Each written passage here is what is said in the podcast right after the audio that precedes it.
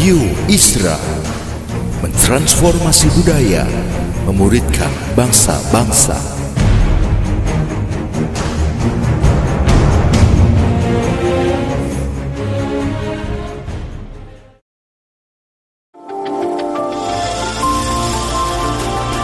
Voice of Pradaim menyuarakan paradigma kebenaran firman Tuhan yang esensi untuk memperlengkapi Anda menggenapi misi dan panggilan ilahi. Selamat mendengarkan.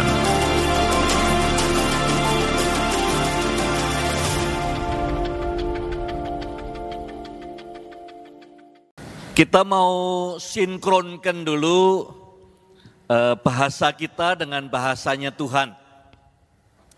Seringkali saya ketemu orang eh, datang ibadah dan berpikiran bahwa Tuhan sekarang sedang sibuk menyiapkan hadiah-hadiah yang indah buat kita. Tidak salah, ya, Tuhan sedang sibuk menyiapkan hadiah-hadiah yang indah buat setiap kita. Tapi diberikannya, ya sebagian bisa sekarang, sebagian lagi yang sebagian besar nanti kalau kita ketemu dia di surga. Tuhan lebih sibuk sekarang bukan menyiapkan hadiah buat saudara, tapi menyiapkan saudara untuk jadi hadiah buat dunia. Amin. Jadi kesibukan Tuhan harus sinkron dengan kesibukan kita. Kalau Tuhan sibuknya A, kita sibuknya B, kita tidak ketemu-ketemu. Kalau kita mikirnya menunggu Tuhan terus tiap minggu memberi hadiah pada kita, padahal Tuhan sedang menghiasi kita untuk jadi hadiah buat dunia, kan tidak ketemu-ketemu. Jadi kita sinkronkan bahasa kita dulu. Tuhan sibuk dan Tuhan kerja keras menghiasi hidup kita supaya kita jadi hadiah yang paling berharga buat dunia ini, buat generasi ini. Amin. Nah, saya perhatikan hidupnya Tuhan Yesus. Saya senang baca Alkitab, lihat pertanyaan-pertanyaannya Tuhan, pertanyaannya Bapak, ya. Karena dalam pertanyaan mengandung hal yang penting. Pertanyaan yang pertama kali Tuhan lontarkan pada muridnya apa? Kita lihat dalam Yohanes pasal 1, Yohanes pasal yang pertama, ayat yang ke-38. Yohanes pasal 1 ayat 38. Jadi waktu itu Yesus belum punya murid, kemudian dua orang muridnya Yohanes Pembaptis ikut Tuhan Yesus. Namanya Yohanes dan Andreas. Pertama kali pertanyaan Yesus pada muridnya adalah, saya bacakan, dua orang ini ikut Tuhan Yesus dari belakang, tidak bilang apa-apa. Tapi Yesus menoleh ke belakang, ia melihat bahwa mereka mengikut dia, lalu berkata kepada mereka, apakah yang kamu cari? Kata mereka kepadanya, Rabi, artinya guru, di mana engkau tinggal. Jadi pertanyaan pertama Tuhan Yesus pada muridnya adalah apa yang kamu cari? Nah pertanyaan yang sama selalu Tuhan tanyakan dalam hidup saya. Saya ke gereja, Tuhan tanya apa yang kamu cari? Saya khotbah, Tuhan tanya apa yang kamu cari? Saya perjalanan ke mana, apa yang kamu cari? Saya doain orang, apa yang kamu cari? Motivasimu apa? Ya. Kamu ingin dipuji oleh siapa? Kamu ingin diteguhkan oleh siapa?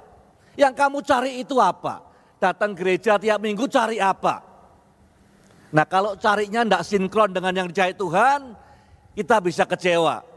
Tuhan nyari siapa? Tuhan nyari kita. Kadang kita nyari berkatnya Tuhan. Kita nyari hadiah yang bagus-bagus, padahal Tuhan nyarinya kita. Tuhan mau menghiasi kita jadi hadiah yang terbesar buat dunia. Pertanyaan Tuhan terakhir apa buat murid-muridnya? Di Yohanes pasal 21 Tuhan bertanya kepada Petrus, Petrus apakah engkau mengasihi aku lebih daripada semua ini? Pertanyaan Tuhan yang pertama pada muridnya, tiap hari dia tanyakan pada saya. Saya mau nulis buku, saya mau ngerjakan apa, mau khotbah, mau apa pun Tuhan tanya yang kamu cari apa. Kamu ikut aku motivasinya apa? Kamu pergi ke Semarang motivasinya apa? Kamu cari apa sih? Pertanyaan terakhir juga Tuhan selalu tanyakan dalam hidup saya. Bambang, apakah kamu masih mengasihi aku lebih daripada semua ini? Saya mau makan enak, Tuhan tanya, apa kamu mengasihi aku lebih daripada semua ini?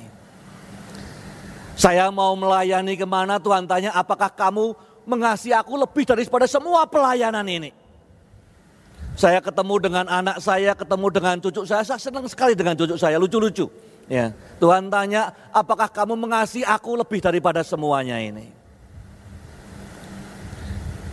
Pertanyaan Tuhan juga buat saudara semua.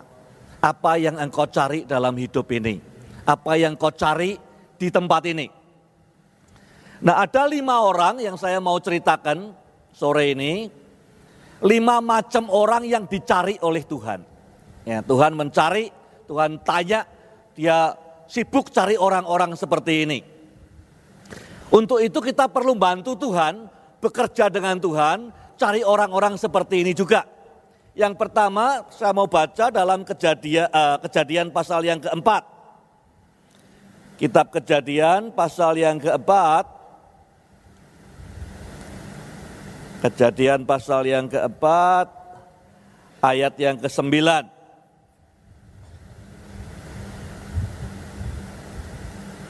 Firman Tuhan kepada Kain, di mana Habel adikmu itu? Jawabnya, aku tidak tahu apakah aku penjaga adikku. Ini cerita yang kita sering dengar. Dunia waktu itu cuma empat orang, yang satu dibunuh. Jadi seperempat dunia habis waktu itu. Ya. Kemudian Tuhan ketemu dengan pembunuhnya si Kain. Dia tanya di manakah Habel, Habel yang tidak berdosa itu, Habel yang mempersembahkan yang terbaik pada Tuhan itu, di mana dia? Tuhan tahu enggak di mana Habel? Tuhan tahu. Ya. Karena Tuhan kemudian berkata darahnya berteriak dari tanah. Tuhan cari Habel. Habel yang memberikan yang terbaik selalu pada Tuhan. Habel yang hidupnya benar. Habel yang menyenangkan Tuhan. Di perjanjian lama korban bakaran itu bisa meredakan amarahnya Tuhan. Di kitab Mazmur ya, dikatakan bahwa biarlah korban bakaran ini menjadi uh, biarlah doaku menjadi korban bakaran di hadapan Tuhan. Ya. Waktu Tuhan marah zamannya zamannya Nuh, bumi dihabiskan sampai ada banjir lama sekali semuanya habis. Setelah selesai banjir, Nuh bakar korban bakaran yang terbaik. Baunya tercium Tuhan, amarahnya reda. Setiap kali Tuhan marah, ada korban bakaran, amarahnya reda. Ya. Nah, Habel senang bakar korban bakaran bukan sekedar asal-asalan, tapi dari hasil yang terbaik. Orang yang menyenangkan Tuhan mempersembahkan yang terbaik buat Tuhan. Orang yang jujur, orang yang kain, yang baik. Yang dibuat oleh Kain apa? Yang pertama, dia merencanakan kejahatan. Ya, dia tahu dia mau bunuh Habel, diajak yuk pura-pura kita ke gereja yuk bawa korban bakaran. Padahal di hatinya ada dendam, ingin ingin bunuh adiknya ini. Tapi dia sembunyikan itu, dia membuat perencanaan jahat terhadap Habel. Yang kedua, Kain memukul Habel dengan batu. Dia menyakiti Habel.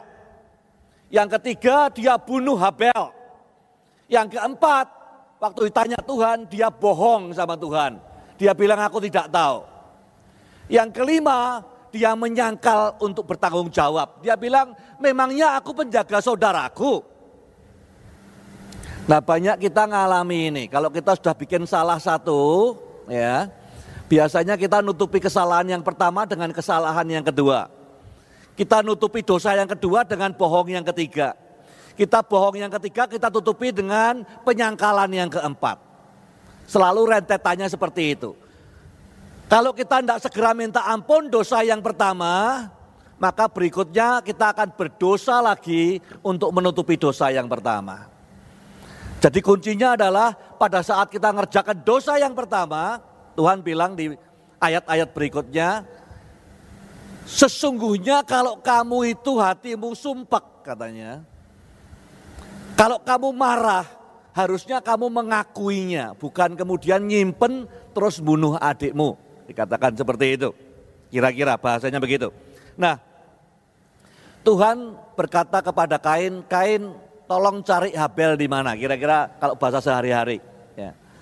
Seringkali kita tidak pernah dengar, saya lihat dalam banyak penelitian banyak orang Kristen meninggalkan gereja karena disakiti orang Kristen lain.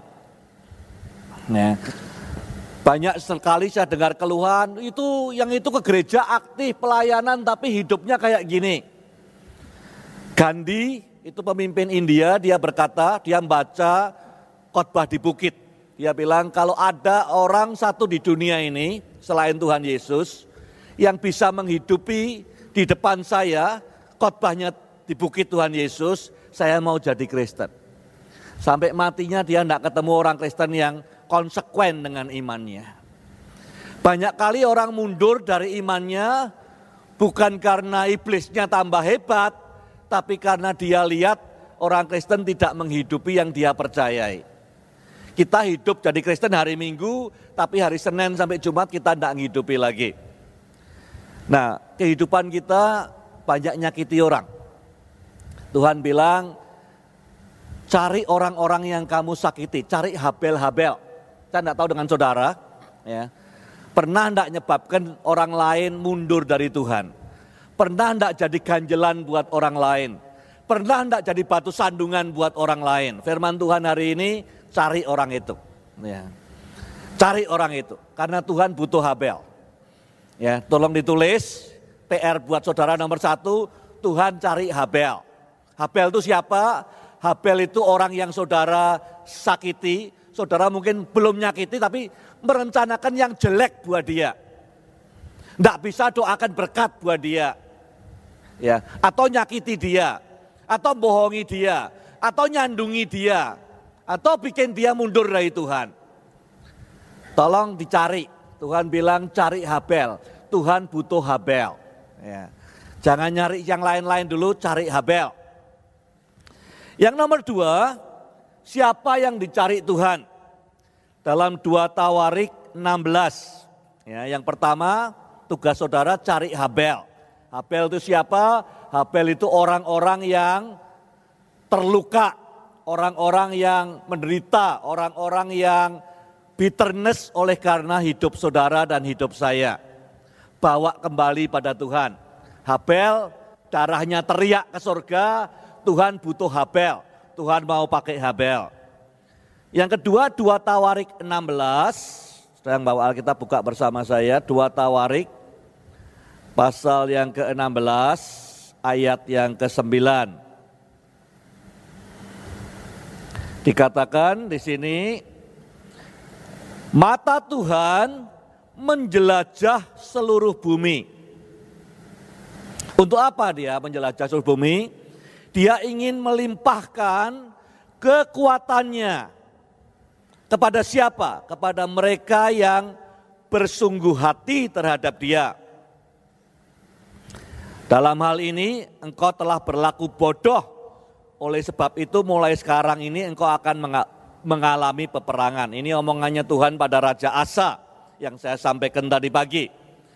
Jadi mata Tuhan menjelajah seluruh bumi. Dia cari di seluruh bumi orang-orang yang bersungguh hati. Bersungguh hati itu ada dua hal. Satu, apa pun yang dia kerjakan, dia kerjakan dengan sungguh-sungguh. Dengan komplit, dengan 100%. Yang kedua, orang yang bersandar penuh kepada Tuhan. Raja Asa dikatakan bodoh karena apa? Karena dia tidak mau bersandar pada Tuhan.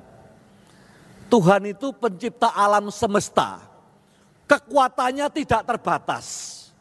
Kenapa Raja Asa memilih bersandar pada tentara Syria daripada pada Tuhan? Kan bodoh sekali. Ya. Tapi saya pikir-pikir juga sering kali juga saya bodoh dalam hidup ini. Kadang-kadang saya ngalami saya lebih cenderung bersandar pada apa yang kelihatan. Ya. Entah itu bentuknya koneksi, entah itu bentuknya gelar, itu bentuknya pengetahuan, itu bentuknya pengalaman, itu bentuknya jabatan, itu bentuknya kedudukan, bentuknya uang. Seringkali kita bersandar pada yang kelihatan, tidak bersandar kepada Allah yang maha besar. Firman Tuhan bilang itu bodoh. Ya, jangan bersandar pada yang lain selain Tuhan. Tuhan cari orang yang sepenuh hati, ngerjakan apa pun sepenuh hati, ngumpulkan persembahan sepenuh hati, ngepel lantai sepenuh hati, datang gereja sepenuh hati, baca firman sepenuh hati, bayar pajak sepenuh hati, Segalanya sepenuh hati, tidak setengah-setengah. Tuhan cari orang-orang seperti itu. Untuk apa? Untuk dia limpahi kekuatan. Saya bertanya, Tuhan, kalau Tuhan mau melimpahi kekuatan, kenapa Tuhan tidak cari orang yang lemah? Kenapa tidak cari orang yang sakit? Kenapa tidak cari orang sengsara? Kenapa tidak cari orang yang kecil, yang terhina? Tuhan berkata, aku hanya mau melimpahkan kekuatanku kepada orang yang bersungguh hati. Ya. Bersungguh hati, berani bersandar, percaya pada Tuhan, beriman. Alkitab berkata, tidak ada satupun yang bisa menyenangkan Tuhan kecuali iman. Ya. Tuhan tidak tergerak oleh belas kasihan karena lihat kita ini sengsara kasihan tidak. Tapi dia bisa tergerak untuk melakukan perkara besar karena iman. Ya. Yesus ngadakan mujizat bukan karena sekedar kasihan tidak. Tapi lihat imannya orang. Banyak orang sakit, banyak orang sengsara, banyak orang tertindas. Tapi yang menggerakkan kuasa Tuhan sering kali adalah orang yang sepenuh hati. Bersandar pada Tuhan. Iman yang kokoh, orang yang berani mengandalkan Tuhan. Tuhan tahu orang macam ini ada dalam saudara sering kali belum tampil saja. Jadi dia tunggu, dia tunggu, dia tunggu, dia cari. Dia selidiki hati saudara. Di mana nih kesungguhan hatinya? Di mana imannya? Di mana bersandarnya pada pada Tuhan? Tuhan cari tiap hari dalam hatimu. Tapi sering kali tidak tampil-tampil karena kedagingan kita terlalu tebal. Ya. Tapi manusia seperti yang di 2 Korintus 16 ini ada dalam diri saudara.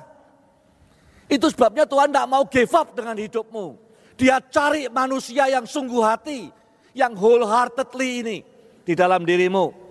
Di dalam 2 Tawarik 31, 2 Tawarik pasal 31, di ayat yang ke-21, dikatakan begini dalam setiap usaha yang dimulainya untuk pelayanannya terhadap Tuhan Allah, terhadap rumah Allah, dan untuk pelaksanaan fir, uh, Taurat dan perintah Allah, ia mencari Allahnya. Semuanya dilakukannya dengan segenap hati sehingga usahanya berhasil. Ya, ini tentang Raja Hizkia dikatakan semua usahanya berhasil. Enak toh? Semua yang dimulai sama dia untuk melayani di rumah Tuhan, untuk menggenapkan Taurat, untuk segala hal dibuat berhasil karena apa? Karena dia melakukan dengan segenap hati, bersandar penuh pada Tuhan. Kuncinya karena kalau orang sudah segenap hati, Tuhan tambahi limpahkan dengan segala kekuatan dari surga. Mujizat terjadi pada saat kita bersandar kepada Tuhan sepenuhnya. Jadi yang dicari Tuhan bukan orang yang susah, bukan sekedar orang yang butuh, bukan orang yang sakit saja. Tuhan cari orang yang bersungguh hati. Sehat, sakit, Tuhan ingin melimpahkan kekuatannya. Yang ketiga, yang dicari Tuhan itu orang seperti apa? Dalam Yehezkiel pasal 22, kitab Yehezkiel pasal 22 ayat yang ke-30. Yeskiel 22 ayat 30. Aku mencari kata Tuhan. Di tengah-tengah mereka seorang yang hendak mendirikan tembok atau yang mempertahankan negeri itu di hadapanku supaya jangan kumusnahkan tetapi aku tidak menemuinya. Tuhan mencari apa sekarang? Cari orang yang mendirikan tembok. Bait Allah ada temboknya, temboknya ada batu-batunya. Batu-batunya siapa? Saudara dan saya, kata firman Tuhan. Kita ini batu-batu mendirikan bait Allah yang hidup. Tuhan mencari orang yang bangun tembok menep, apa, noto batu-batu ini, membangun tembok dari batu-batu ini, saudara dan saya, yang mau berdiri di hadapan Tuhan, mau jadi tumbal, mau bayar harga supaya rumah Tuhan ini berdiri. Tembok di zaman itu, ya itu sering disebut sebagai tembok kota, itu lambang dignitas harga diri kalau kota tidak ada temboknya atau temboknya runtuh, maka penduduknya jadi malu, satu, karena dihina oleh sekitarnya. Yang kedua tidak ada perlindungan, tidak ada protection. Maka tembok perlu ada. Di kitab Nehemia, waktu dia dengar kabar bahwa tembok Yerusalem runtuh, langsung dia nangis, dia duduk, terjatuh duduk, dan tidak bisa makan tiga hari lamanya. Itu puasa sungguhan. Ya, bukan direncanakan. Dia melihat bangsanya apa kena aib, dihina oleh orang-orang sekitarnya. Dia susah ke bangsanya kena aib, dignitasnya hancur, dia jatuh, dia nangis, dia puasa tiga hari. Kalau dignitas itu ada, maka kita bisa confidence. Kalau protection itu ada, maka kita ini bisa secure. Kalau kita secure, ya kita hidupnya secure, kita bergaul sama orang enak. Karena kita ingin memberkati orang lain. Kalau kita ini jiwanya tidak secure, orang tidak mau deket-deket sama kita. Karena apa? Karena kita selalu nyedot energinya orang lain. Kita demand orang lain. Kita nuntut orang lain. Nah, Tuhan cari orang yang bangun, bukan orang yang meruntuhkan. Orang yang bangun rumah Allah, orang yang bangun orang lain, bukan orang yang meruntuhkannya. Saya pernah, eh, istri saya cerita di airport di Denpasar belum lama ini. Terus kemudian turun dari pesawat, mau ke restroom dulu, ke toilet dulu. Tuh, restroom yang bagian perempuan biasa ngantri gitu ya, panjang, istri saya ikut ngantri. Tidak lama kemudian ada beberapa ibu-ibu nerobos saja masuk, langsung berdiri depan di depan apa namanya pintunya, pintu WC-nya. Istri saya orangnya langsung, jadi dia langsung negur, ibu-ibu tolong ngantri, katanya. Yang lain ini juga ngantri. Ibu satu yang di depan pintu dibilang, walah di Indonesia saja kok pakai ngantri-ngantrian segala macam. Ini orang-orang yang sudah kehilangan dignitasnya. Karena harga dirinya hilang, dia jatuhkan harga diri negaranya juga bersama dia. Ya. Jadi orang kalau tidak punya dignitas, tembok malunya sudah tidak ada lagi. Ya. Hidup dalam aib, dia bawa semua bangsanya hidup dalam aib. Nah, tembok itu artinya orang yang mengangkat derajat kotanya, bangsanya, gerejanya. Tuhan cari orang yang mau bangun tembok, yang encourage orang lain, yang bangun dignitasnya orang lain, bukan yang meruntuhkan. Alkitab juga berkata, dengan lidah ini kita bisa bangun, dengan lidah kita bisa menghancurkan. Nanti kalau sudah sempat baca Alkitab kitab bilangan, di bilangan pasal 11 sampai 21, itu tujuh kali bangsa Israel komplain, bersungut-sungut pada Tuhan. Kalau bangsa Israel perang, kalah, paling yang mati 12 orang, 8 orang, paling banyak 30 orang. Tapi begitu mereka bersungut-sungut dengan mulutnya, yang mati ratusan ribu. Ya. Mulut ini berbahaya. Tuhan cari orang yang bangun tembok, bukan yang meruntuhkan tembok. Orang yang kalau ketemu orang lain, ingin encourage orang lain, ingin bangun orang lain. Ngomongnya positif, orang Tuhan cari itu.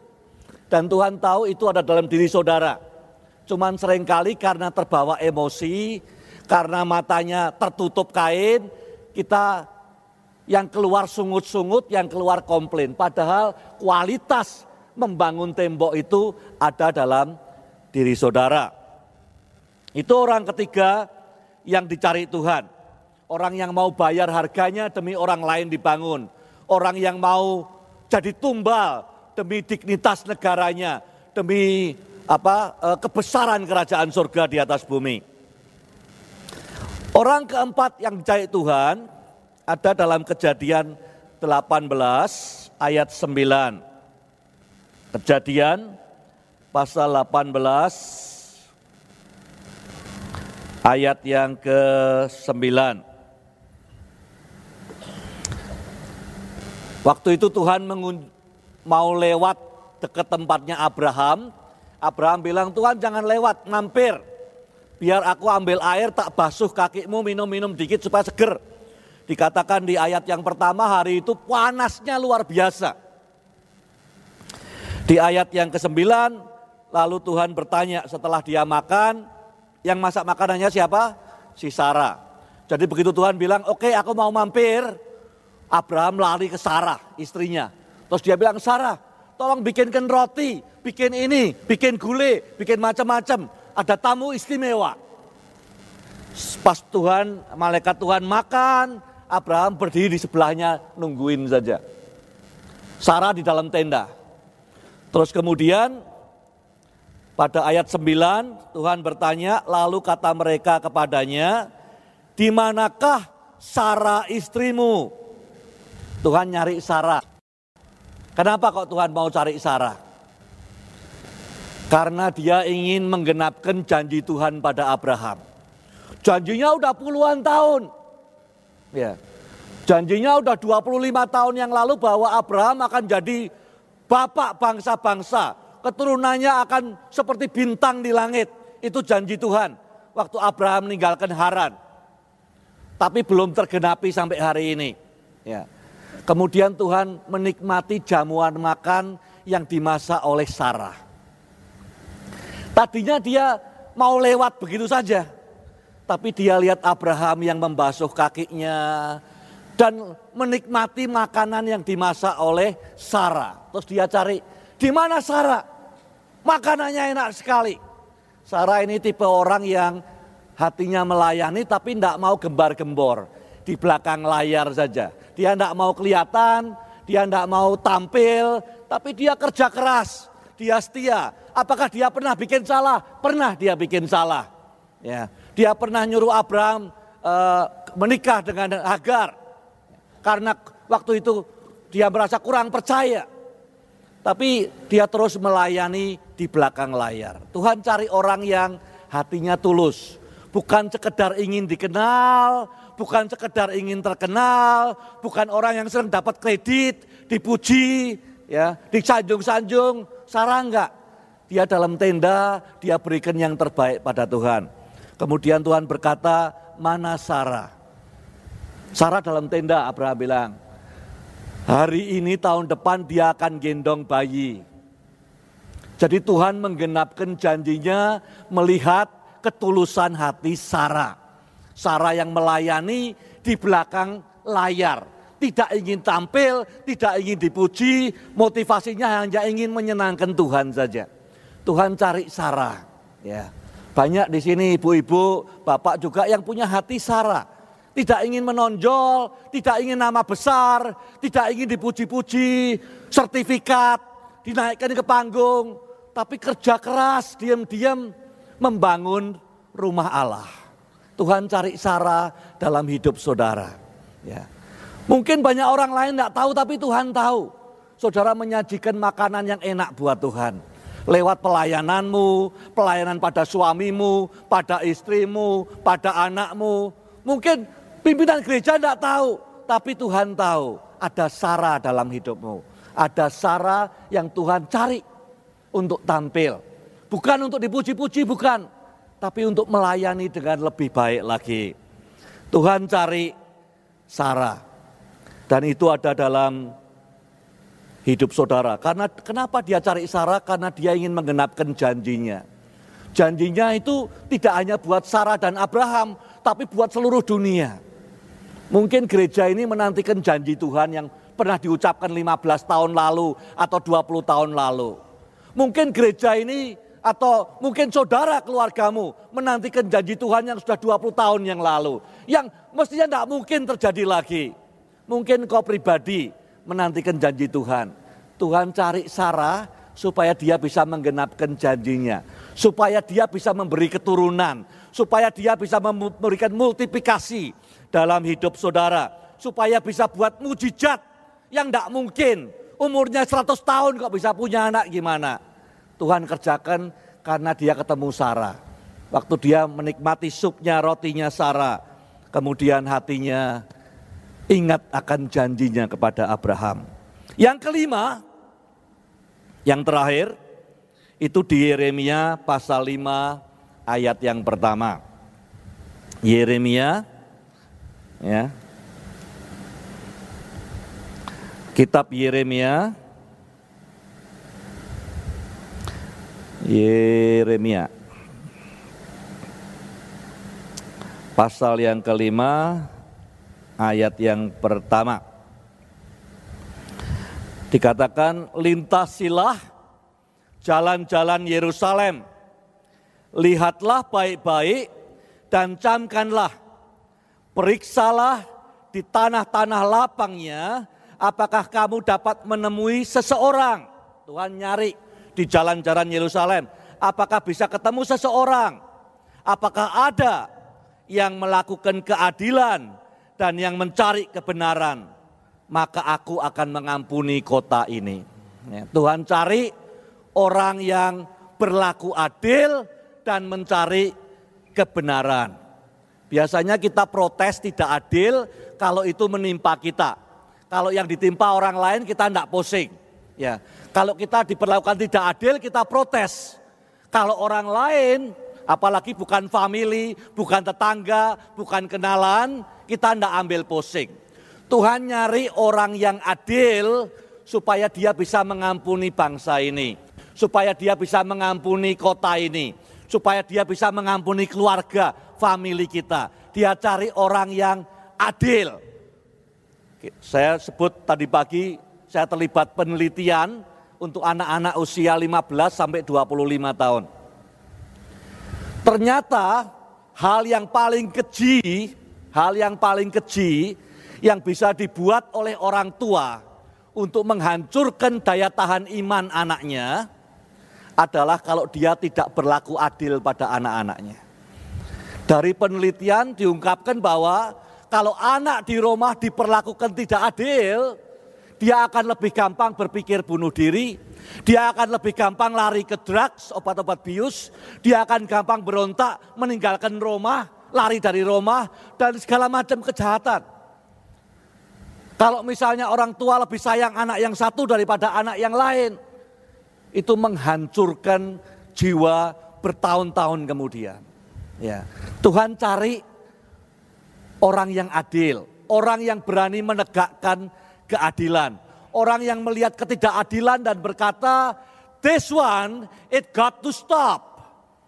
Ketidakadilan menyengsarakan tidak hanya anak-anak tapi masyarakat. Kalau engkau lihat ketidakadilan di kota ini, di bangsa ini, di rumahmu, di tetanggamu, harus berani berkata apa pun harganya, I cannot stand it anymore. Saya tidak tahan lagi lihat ini. Tuhan tidak tahan lihat ketidakadilan. Saudara juga harus tidak tahan lihat ketidakadilan. Ada harganya tidak? Ada. Di perjanjian lama, nabi-nabi yang menentang ketidakadilan, dia mati dilempari batu. Ya. Tapi Tuhan cari, Tuhan tetap cari orang-orang yang berani bertindak adil, berani bayar harganya, tidak hanya adil buat dirinya, tapi adil buat orang lain. Kalau ada orang satu aja seperti itu kata Tuhan di Yerusalem. Kalau ada satu aja yang berani berkata stop ketidakadilan. Cukup di sini, enough is enough. Maka Tuhan bisa mengampuni kota ini. Dan saya tahu sifat keadilan itu ada dalam diri saudara. Hanya sering kali terselubung oleh kepentingan-kepentingan sesaat.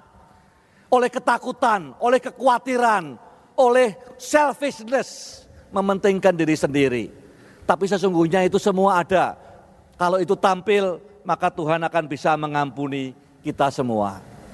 Cara Tuhan nyari itu gimana? Kalau sudah baca nanti di Roma Lukas pasal 15, kita kan temanya hari ini mencari, Tuhan mencari. Kita juga mencari, Tuhan mencari dalam hidupmu kualitas seperti tadi. Saudara perlu mencari di sekitarmu orang-orang seperti tadi.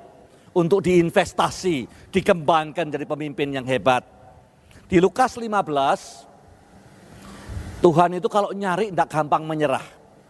Perumpamaan tentang domba yang hilang. 99 tidak hilang, satu hilang. Saudara baca baik-baik dikatakan di Lukas 15, Tuhan mencari domba itu sampai ketemu. Dia tidak akan berhenti kalau tidak ketemu. Perumpamaan kedua di Lukas 15, perempuan yang kehilangan koinnya. Punya 10 koin, satunya jatuh. Dikatakan sekali lagi, Tuhan mencari koin itu sampai ketemu. Nah saya mau beri jaminan dalam hidup saudara, Tuhan tidak akan menyerah dengan hidupmu. Tujuannya adalah dia mau membuat hidupmu ini hadiah besar buat dunia, buat Indonesia, buat Semarang. Dia mencari kualitas-kualitas Habel dalam hidupmu. Dia mencari kualitasnya Sarah dalam hidupmu. Dia mencari kualitasnya sesuai dengan 2 Korintus 16, eh, 2 Tawarik 16 ayat 9. Ya. Sungguh hati, adil, Tuhan cari dalam hidupmu dan dia tidak berhenti sebelum dia ketemu. Saya mau tutup dengan satu cerita pendek bagaimana Tuhan gigih mencari di dalam kita kualitas yang dia inginkan. Kita pun harus cari di dunia, di sekitar kita kualitas seperti tadi. Yang saya mau kutip di sini adalah cerita tentang Musa. Ya. Di dalam apa? Keluaran 4 ayat 13 Musa berkata pada Tuhan, Tuhan suruh orang lain saja. Ya. Saya mikir kalau baca ini, saya pikir Tuhan ini kok sabarnya luar biasa. Musa sudah pakai lima dalih. Ya. Dia bilang tidak bisa bicara, dia bilang nanti kalau ditolak sama orang gimana, dia bilang kalau orang yang saya pimpin tidak percaya sama saya gimana. Ya. Tapi Tuhan terus kejar Musa, Sampai akhirnya Musa dibentuk menjadi hadiah besar buat dunia. Hadiah yang indah buat dunia. Saya renungkan kenapa sih kok Musa sampai tidak mau menampilkan kualitas ini. Kenapa kok dia nolak panggilan Tuhan? Ada empat hal, saya tutup dengan ini. Yang pertama, Musa itu umurnya 80 tahun. Mungkin kalau saudara sudah umur 80 tahun juga punya banyak alasan seperti Musa. Ya. Tuhan, ini sudah dekat liang kubur, ngapain suruh balik ke Mesir lagi? Tanggung jawab besar, mau jadi asyir, mau jadi ini, mau nginjil, udah 80 tahun. Ya, alasan pertama mungkin itu. Kedua, dia sudah terlanjur enak. Dia di median tinggalnya, punya domba, punya kambing, punya istri, punya anak, punya mertua, ya. Semuanya lancar hari-harinya rutin. Pagi sikat gigi, saat teduh, terus dia bawa kambing dombanya ke padang rumput, nyanyi-nyanyi, mungkin main kecapi, kemudian sore-sore pulang, baca koran, buka YouTube, tidur. Kira-kira gitu. Ya. Ritmenya sudah enak, nyaman. Dia mungkin sudah planning untuk pensiun, umur 80, dia sudah nabung, nanti kalau saya 2-3 tahun lagi pensiun, tapi anaknya masih kecil-kecil, Gersom masih kecil. Mungkin 10 tahun, 12 tahun, belum bisa teruskan. Tuhan dia berdoa beri kekuatan supaya pas pensiun anaknya sudah siap, kira-kira gitu. Dia nyaman. Jadi biasanya yang menghalangi orang untuk terima panggilan Tuhan, dicari Tuhan, dipanggil Tuhan, ditarik sama Tuhan, nolak terus seperti Musa karena hidupnya sudah nyaman. Ya, kenyamanan itu musuh paling besar untuk Tuhan mengerjakan hidup kita sehingga menjadi hadiah buat dunia. Yang kedua, dia mungkin takut 40 tahun yang lalu waktu dia lari dari Mesir, dia mau dibunuh sama Firaun. Ketakutan itu adalah penghalang nomor satu di dunia untuk saudara bisa berhasil. Takut membuat saudara tidak bisa mencapai mimpimu, takut membuat engkau tidak bisa berdampak buat orang lain, takut membuat engkau sakit, kanker dan segala macam. Ya. Musa menolak ditarik oleh Tuhan karena takut kembali ke Mesir. Kuatir dan ketakutan menghalangi keindahan Tuhan itu tampil lewat hidupmu. Kualitas-kualitas tadi. Sarah, Habel dan segala macam. Yang ketiga, mungkin Musa ingat waktu dia meninggalkan Mesir, dia itu ditolak oleh saudara sebangsanya. Dia lihat ada saudara sebangsanya, orang Ibrani berkelahi mau dipisah. Orang itu bilang, siapa yang angkat kamu jadi pemimpin kami? Nah kita mungkin semua pernah mengalami past rejection, penolakan masa lalu. Jadi waktu Tuhan panggil kita khawatir nanti kalau saya nuruti Tuhan, melayani. Nanti kalau ditolak sama orang gimana? Kalau dikritik sama jemaat gimana? Kalau diserang sama orang lain gimana? Pas rejection sering kali menghalangi kita untuk menikmati anugerah Tuhan sepenuhnya. Kalau sudah pernah ditolak masa kecilmu, pernah dititipkan orang lain, ya kakek nenek atau siapa pun oleh orang tuamu pernah ditolak main sama teman-temanmu itu membekas. Kalau tidak didamaikan dengan dirimu itu menghalangi engkau untuk menerima semua anugerah Tuhan. Dan yang terakhir Musa tidak mau terima tanggung jawab dia selalu nyalahkan orang lain. Dia bilang aku tidak bisa masuk Israel karena kanaan karena salahnya orang Israel Maxwell berkata sebagai pemimpin kita bisa delegasikan semua hal kecuali satu, tanggung jawab. Kalau sudah ingin dipakai Tuhan jadi orang yang bertanggung jawab. Here I am Lord, send me. Ini aku Tuhan, utuslah aku.